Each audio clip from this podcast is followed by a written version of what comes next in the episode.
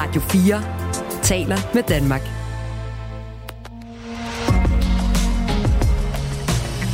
Du lytter til Radio 4 undersøger. Både en lægehelikopter og en ambulance har kurs mod lægehuset, hvor Ayam ligger med hjertestop. Vi er på vej til et hjertestop på en 8-årig, og sådan som vi ser det, i et lægehus. Er det korrekt? Ja, det er korrekt. Det er et lægehus, og meldingen lyder på stop. Vi har fået bekræftet, at det er stop på et 8-årigt barn. Ja, altså ved vi noget om, at det er en allergisk reaktion? Ved vi noget mere sidst? I mindst 25 minutter er hun uden puls. Jeg har ikke nogen uh, fået fundet ud af baggrundssiden på, hvad der er sket op til gift.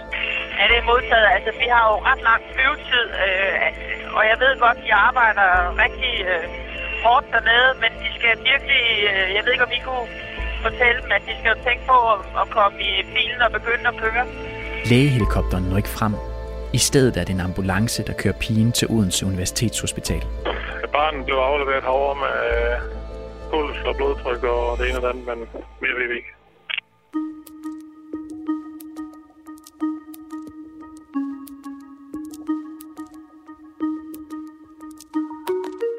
Aliam vågner ikke igen, og for inden er gået et forløb, hvor en far føler, at hans bekymring for sit barns helbred bliver ignoreret. Og det tyder på, at Ariam ikke fik adgang til rette behandling hurtigt nok, og at sprogbarriere kan have haft betydning for, at hun ikke fik det. Og Ariam er ikke det eneste barn, hvor den her cocktail ser ud til at have endt med dødelig udgang. Mit navn er Jais Nørgaard Alstrøm, og det her er fjerde afsnit af Den døde pige i lægehuset.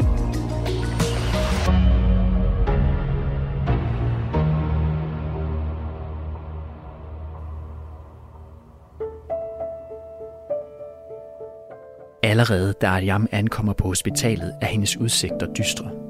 Hun får hjælp til at trække vejret af en respirator, og hun er ikke ved bevidsthed.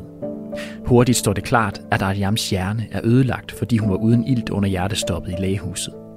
Trykket i hjernen gør det umuligt at operere, og behandlingen er udsigtsløs. Okay. Uh, han siger, at da jeg kom på sygehus, uh, hende lægen, som tog imod hans datter, Øh, hun øh, prøver at forklare selvfølgelig, hvad der skete med hans datter. Og øh, der var en tolk også.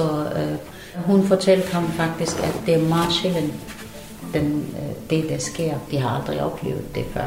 At øh, en, der får ja, øh, astmaanfald, og så ender med at få hjertestop.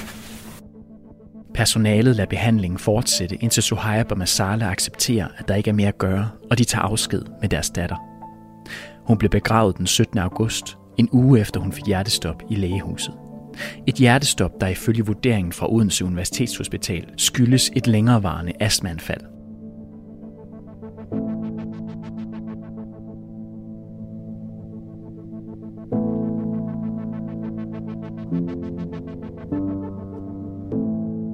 Jeg vil sige, at alting er gået galt. Det lyder til, at øh, det ikke har været den rigtige behandling. Børn dør ikke af astma i Danmark. Anne Holm Hansen er direktør i Patientforeningen Astma Allergi Danmark, og vi har gennemgået hele forløbet med hende. Det er fuldstændig tragisk, og det er stærkt usædvanligt, at det sker i Danmark. Øh, det kunne vi se for 70 år siden, eller 60 år siden, at sådan nogle ting skete, fordi man ikke havde muligheden for at gøre noget. Men her har man det, og det burde aldrig nogensinde skulle ske. I den her sag, der ser jeg, at man øh, øjensynligt har kommunikeret gennem et sygt barn, og at øh, man ikke har haft en tolk at man ikke har indkaldt direkte til en øh, samtale, hvor familien ved, hvad de skal gøre, og har sikret sig øh, med meget stor grundighed, at, at øh, det er forstået, hvad der skal ske, og at man kan komme tilbage. At man ikke ved, øh, at man kan tilkalde 112 på den måde, vi kender det i dag, øh, men, men står og venter på, at lægen faktisk åbner klinikken, når man har et barn, som, øh, som har et astmaanfald. Der er simpelthen viden om systemet, der mangler her. Der er en viden om, hvordan man håndterer det næste astmaanfald, øh, og hvad man skal gøre som familie. Det er helt afgørende øh, i den her sag, at det havde været i orden.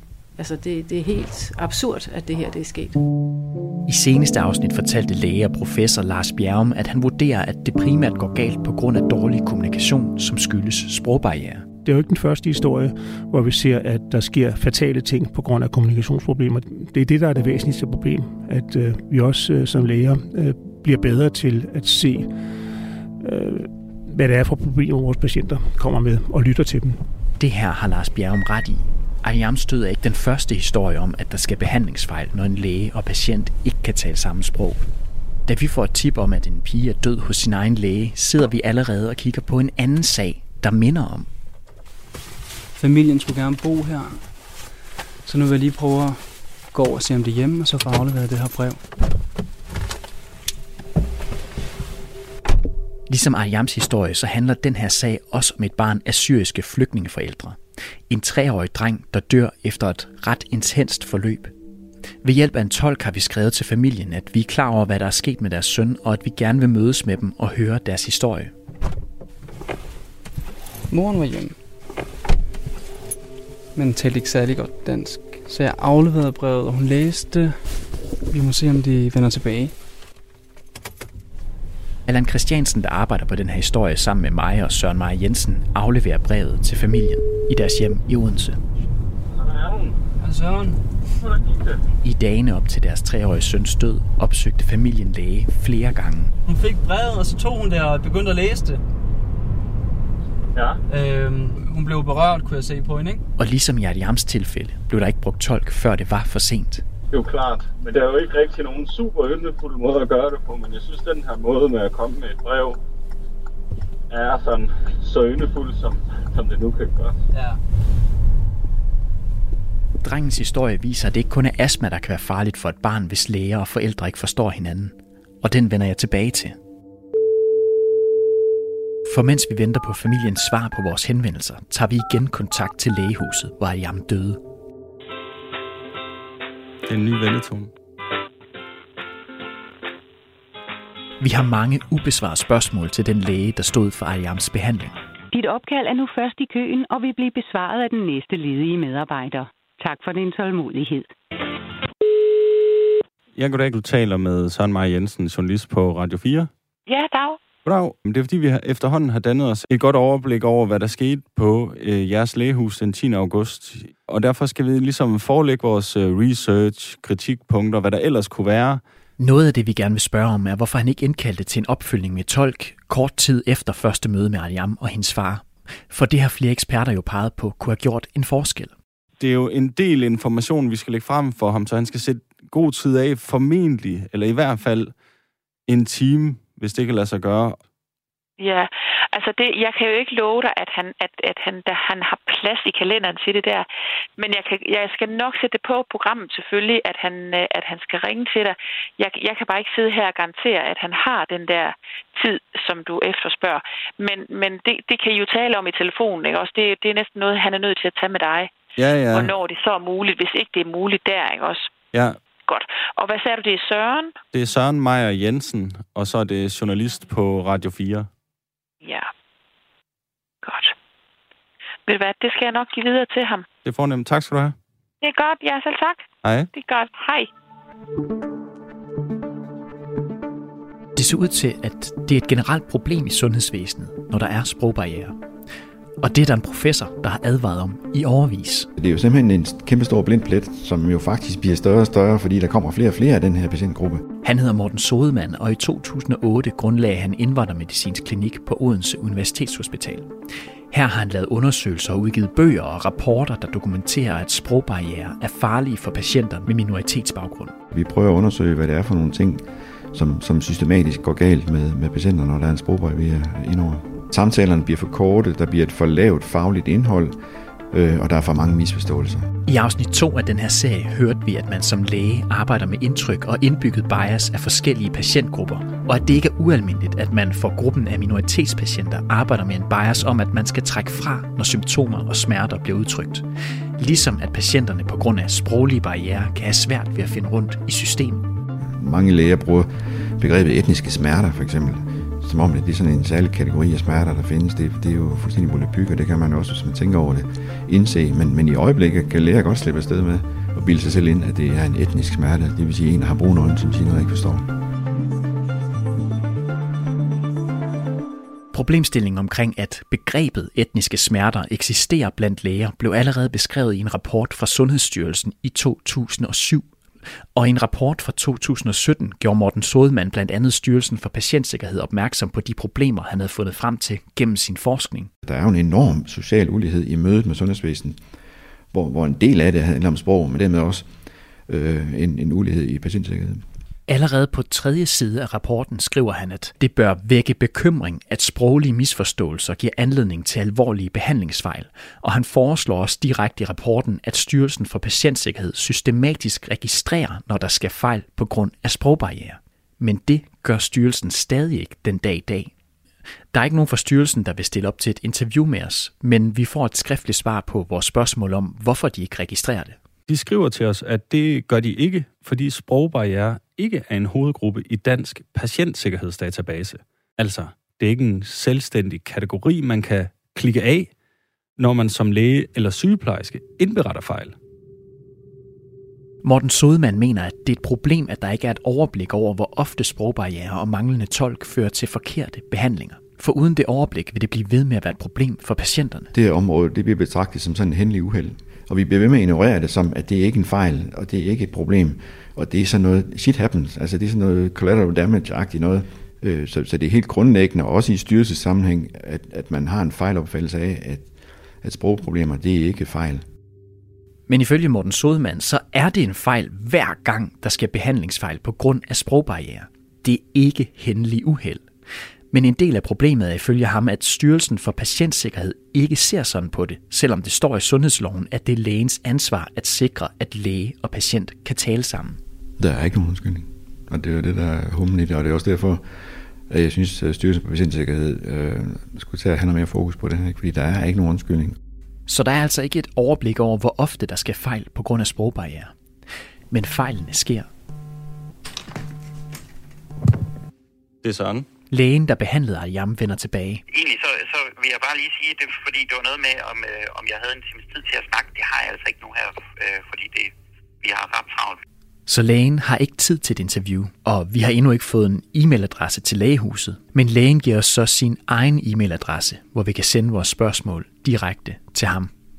Og han siger, at han vil vende tilbage, når han har læst dem. Øh, så får du en mail senere. Det er super. Det er godt. Tak skal du have. Ja. Hej.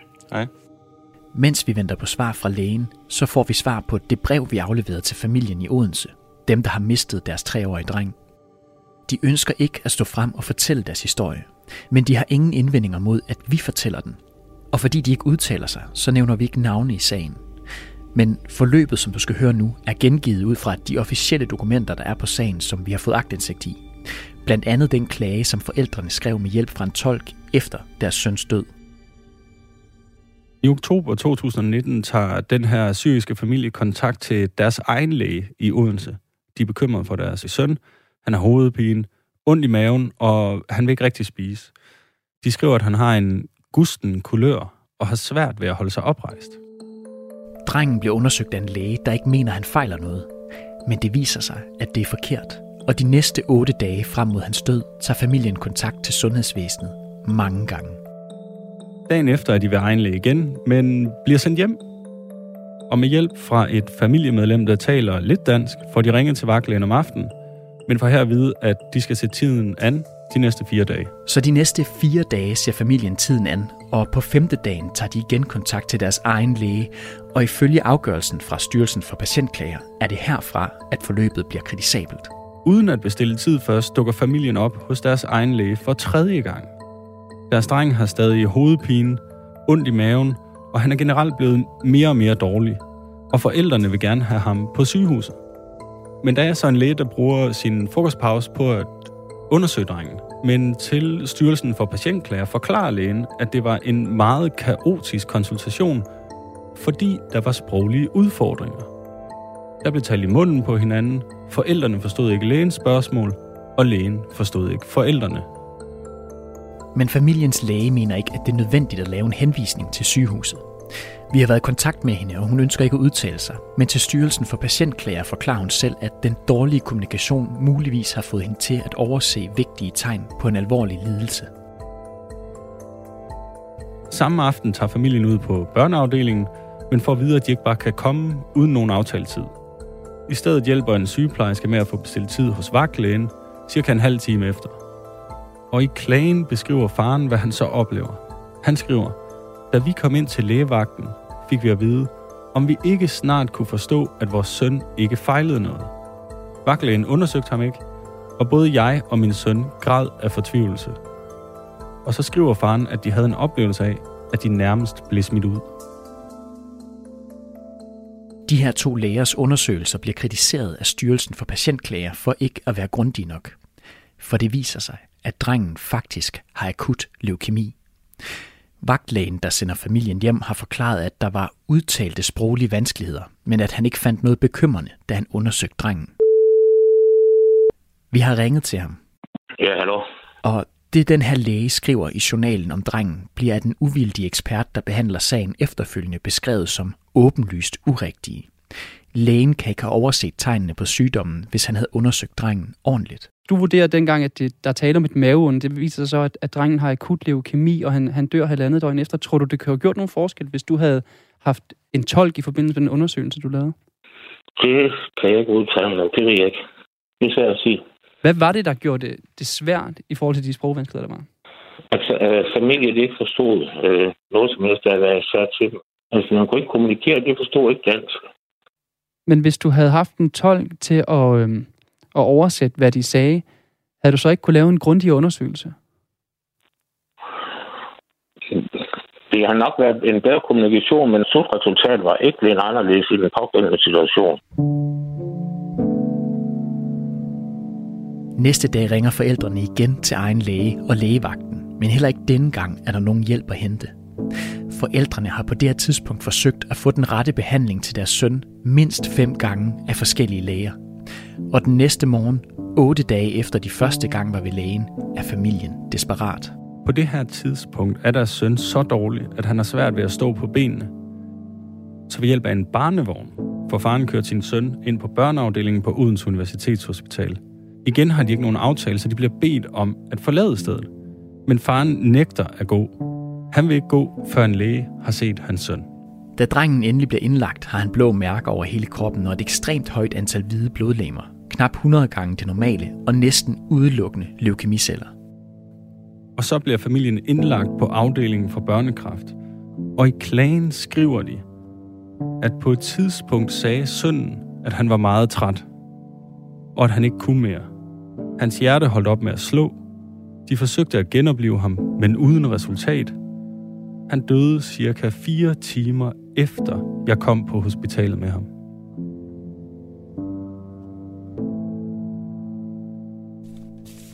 Så skriver de også sådan her. Vi fik efterfølgende at vide, at vi var kommet alt for sent. Det, der var helt ubærligt at få at vide i en situation, hvor vi jo i så mange dage forgæves havde forsøgt at få hjælp til vores søn.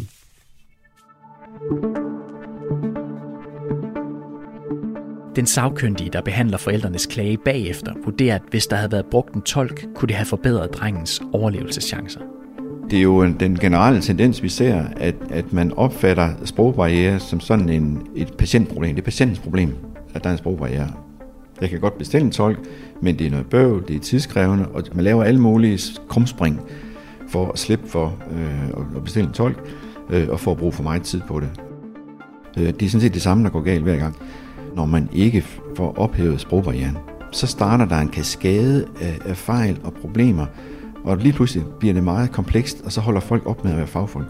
Og det er også derfor, det undrer mig, at styrelsen ikke på noget tidspunkt har taget det op og lagt en struktur ind, som kan håndtere den her type fejl. Som sagt vil Styrelsen for Patientsikkerhed ikke stille op til et interview, hvor de også kunne have svaret på Morten Sodmans kritik. Og de vil heller ikke hverken bede eller afkræfte, at de har modtaget hans rapport. Men de skriver til os, at de mener, at de har bidraget til emnet om sprogbarriere.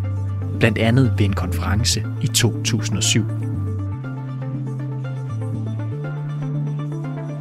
Styrelsen for Patientsikkerhed har også vurderet, at der hverken efter den treårige drengs død eller efter Ariams død er grund til at være bekymret for patientsikkerheden. Vi har spurgt, hvorfor det er sådan, når nu det er lægens ansvar at sikre, at patienten og lægen kan kommunikere. Og dertil har styrelsen svaret, at vores opgave er at vurdere, om der er bekymring for den fremadrettede patientsikkerhed. Der er i de to nævnte sager ikke grundlag for en fremadrettet bekymring for patientsikkerheden.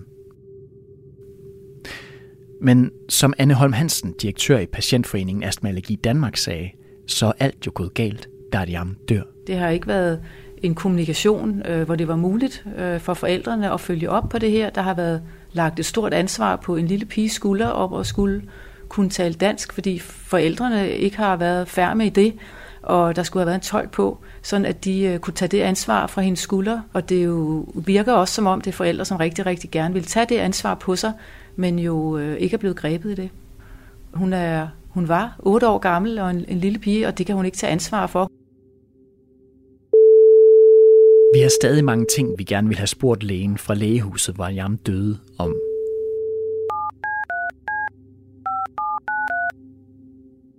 Lægerne. Ja, goddag. Du taler med Søren Maja Jensen, journalist på Radio 4. Ja, goddag. Goddag. Vi har skrevet en lang række spørgsmål og sendt til lægen. Vi sendte ja. ham en interviewanmodning. Ja. Den har han ikke svaret på.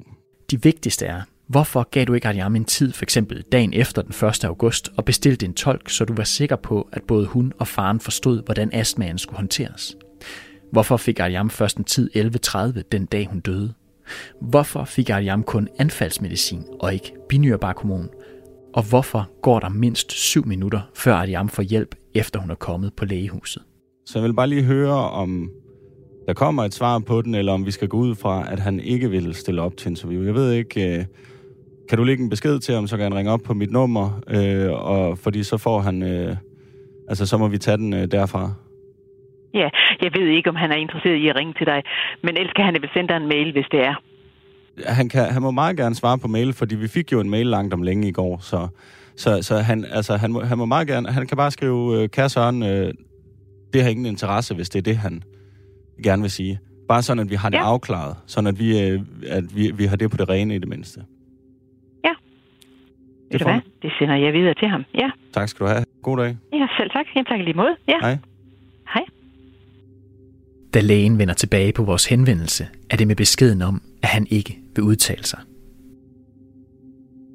Der kører stadig en klagesag mod lægehuset, og Sohaib og Masala og deres tre sønner vil starte forfra et andet sted i Danmark. De flytter fra deres hus. Fordi vi kan ikke blive her. Hvorfor ikke?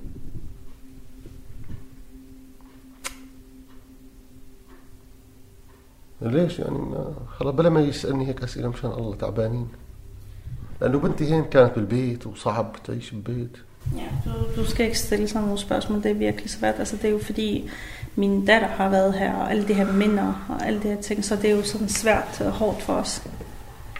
والله يا عمي بموت كل يوم بالبيت اقسم بالله Det, det er hårdt at være i det hus, der hun var der her. Jeg forstår. وعم بيتفهمك هاي غرفتها ما نسترجي نفتحها ننام بالصالون والله الكل انا واولادي ومرتي ولا Altså hendes værelse, der er ikke nogen, der tør at åbne døren og g- gå ind. Altså vi sover alle sammen her i stuen. Altså mig, mig og min kone og børnene.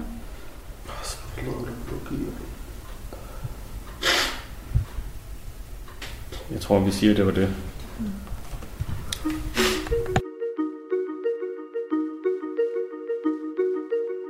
Det her var fjerde afsnit af Radio 4 Undersøgers podcastserie Den døde pige i lægehuset. Den er tilrettelagt af Søren Maja Jensen, Allan Christiansen og af mig. Jeg hedder Jais Nørgaard Alstrøm. Redaktør er Jon Hasselbalg Mikkelsen. Hvis du synes, historien her er vigtig, så del endelig podcasten med dem, du kender. Og hvis du har oplysninger i den her sag, eller en idé om en anden historie, vi skal se på, så kan du skrive til os fortroligt på tip radio4.dk.